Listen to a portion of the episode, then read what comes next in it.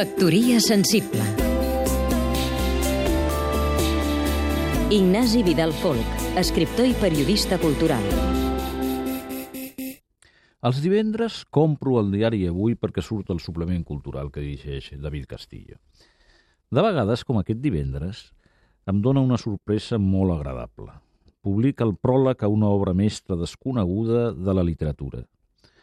Aquests pròlegs són per mi joies de la literatura humorística. Són pròlegs a obres que en realitat no existeixen, obres purament imaginades, i suposadament els escriu un intel·lectual que de tant en quant presumeix de ser l'únic prologuista professional del nostre país, l'únic que es dedica exclusivament a prologar les obres d'altri.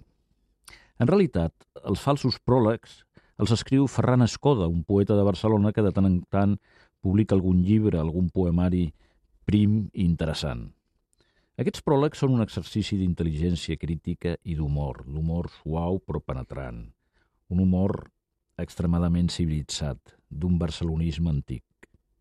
Aquesta operació literària, hereva d'alguns experiments de Borges o de Pessoa, però en clau d'humor, com acabo de dir, té també una mica de febril, perquè tot prolongant un llibre inexistent rere l'altre, l'Escoda fabularà tota una literatura, fins i tot tota una indústria editorial alternativa, potser millor que la real.